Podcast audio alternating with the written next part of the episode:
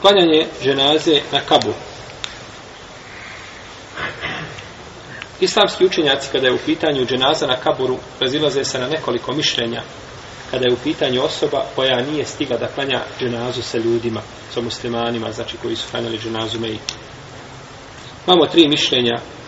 Prvo je da mu se klanja dženaza na kaburu.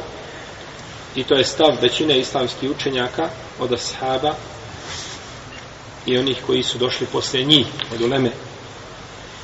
I to je stav imama Ibn Mubareka i Šafije i Ahmeda Ishaqa Ibn Hazma i drugi.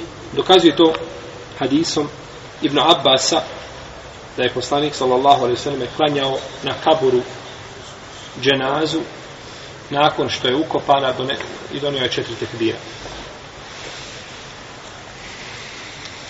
I hadis Ebu Horeire da je žena koja je čistila džamiju ili muškarac. Jedno je bilo. U nekim se predajama spominje žena, u drugom muškarac. Crnac ili crnkinja.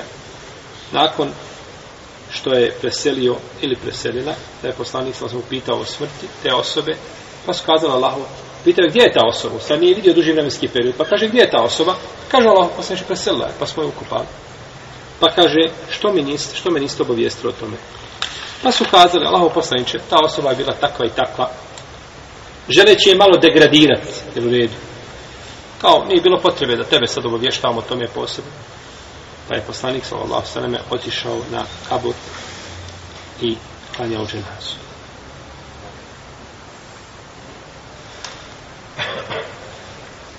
Klanjao je, znači, ženazu toj osobi, koja je možda u očima ljudi bila ispod onoga nekakvog običnog sloja sahaba. Pa međutim, kriteriji su kod Allaha za uđel drugačiji nego što ih mi vidimo našim očima.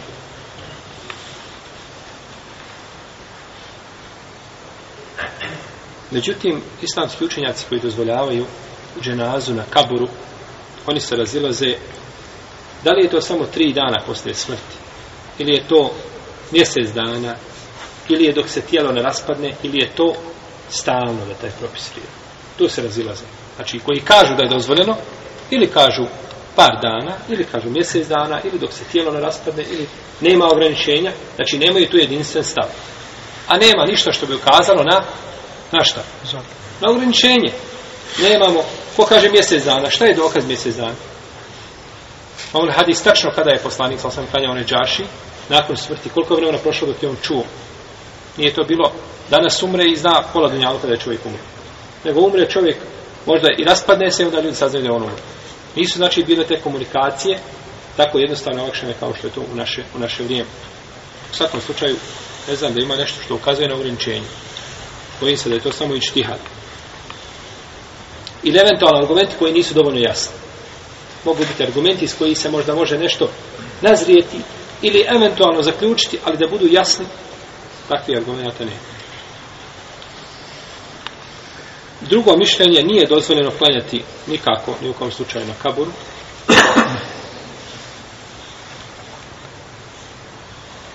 Ili, treće, nije dozvoljeno klanjati na kaburu, osim ako je osoba ukopana bez dženaze.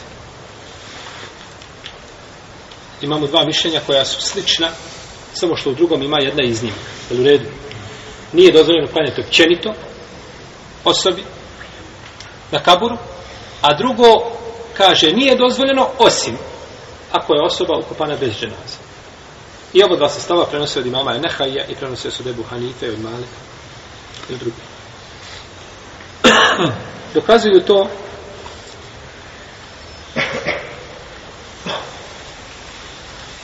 hadisima koji brane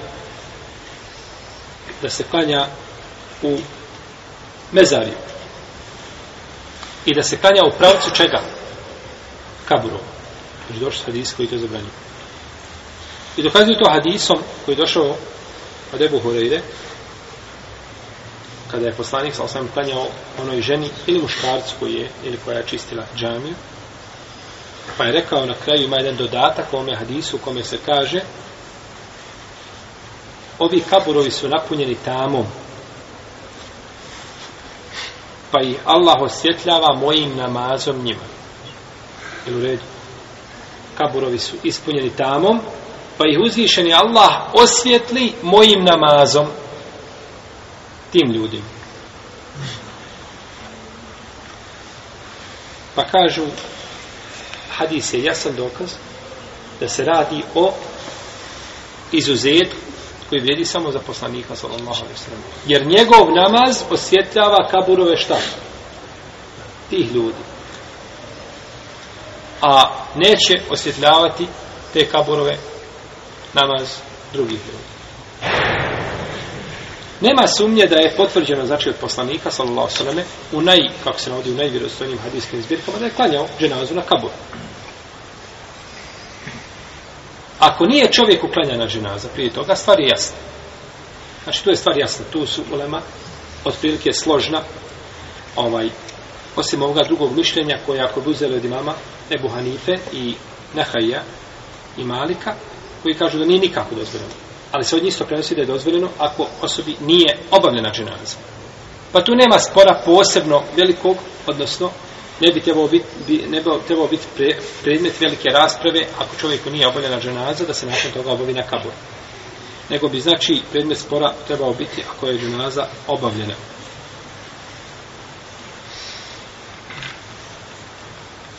Ako je obavljena dženaza, imamo hadis žene crnkije koja je presela ili muškarca, pa je poslanik sa osvijem nakon toga obavio šta?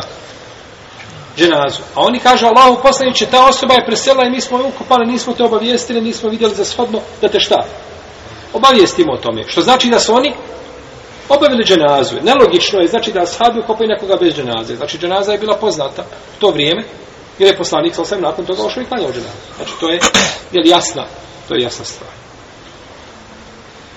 A što se tiče zabrane klanjanja prema kaburu i u u mezarju, To se ne odnosi na dženazu, to se odnosi samo na propisane namaze. Dokaz tome je šta? Ko zna? Hadis, taj govori. Po poslanik sam pa sam došao u, u, u, u mezanju, ušao i klanjao. I okrenuo se kako? Prema stovu ispred kabora i klanjao. Pa ne može biti, znači, hajde da poslanik sam sam nešto brani, a on to šta? Čini. Pa je E, pa su hadisi koji govore o zabrani klanjanja u mezarju ili prema mezarju, odnose se samo na znači na propisane namaze ili bolje kazati na druge namaze mimo čega? Mimo dženaze. Jer ako kažemo samo na propisane, možeš neko kazati, možemo otići u mezar i klanjati bajram, ili u redu. Onda bi mogli klanjati bajram, jel tako? Ne. Ka, ispravno je znači kazati mimo dženaze. Na namaze mimo dženaze. Jesi. Tako je najpreciznije kazati.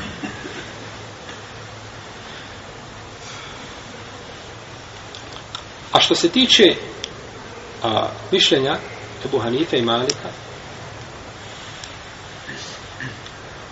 da je to bilo posebno samo poslaniku, sallallahu alaihi vseleme,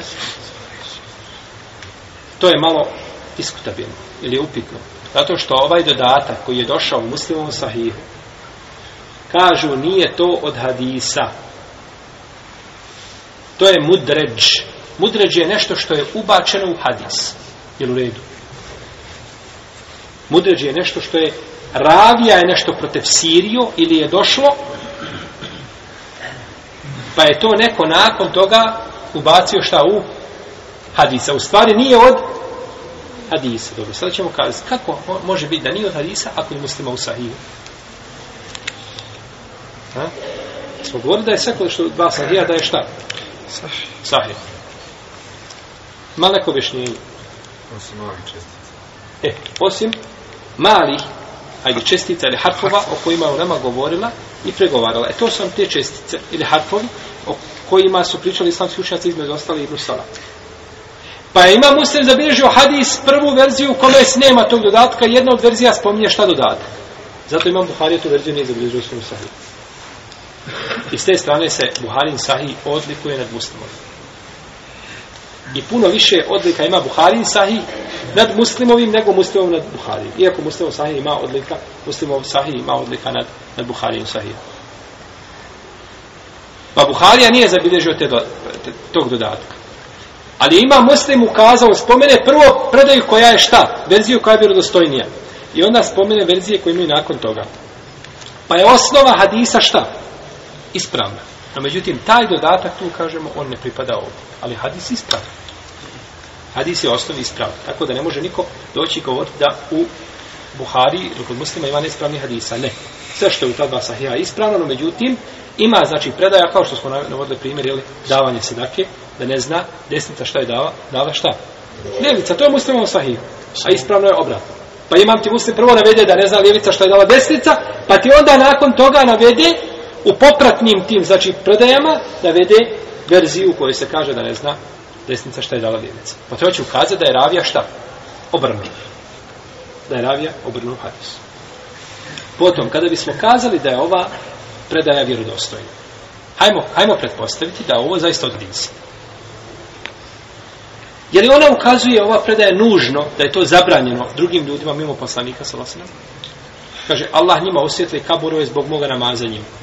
Jer to ukazuje striktno da neće osvjetliti ako drugi budu klanjali, Jer ukazuje striktno, u redu, hajmo ukazit, ukazuje striktno da je osvjeten kabur radi namaza poslanika sasvim. Jer u redu. Da li ukazuje da je zabranjeno drugim ljudima da klanjuju? Ne ukazuje. Ne ukazuje. Ima razlog zašto je rekao poslanik, u redu, ali ne ukazuje da je drugim ljudima zabranjeno. Pa ako neće osvjetliti, mogu imati nagradu čega? Od namaza ali ne ukazuje da je zabranjeno. Nema u hadisu, ne možemo kazati da predaje, znači ukazuje da je zabranjeno. Naročito, braćo, ako znamo hadis, sallu kema ra'eitu muni u salli. Klanjajte kako ste vidjeli mene šta. Dakle. A ovo se odnosi i na pode, i na akšem, i na jaciju, i na džumu, i na bajram, i na e, namaz za pomračenje, i na dženaz, i na sve namaz. Klanjajte kako ste vidjeli mene da klanjam sve. Kako je poslanik, sallam klanjao, mi teba Allaho poslanič vidjeli na kaburu da ste otišao klanjati i mi odmah došli da klanjamo skoro.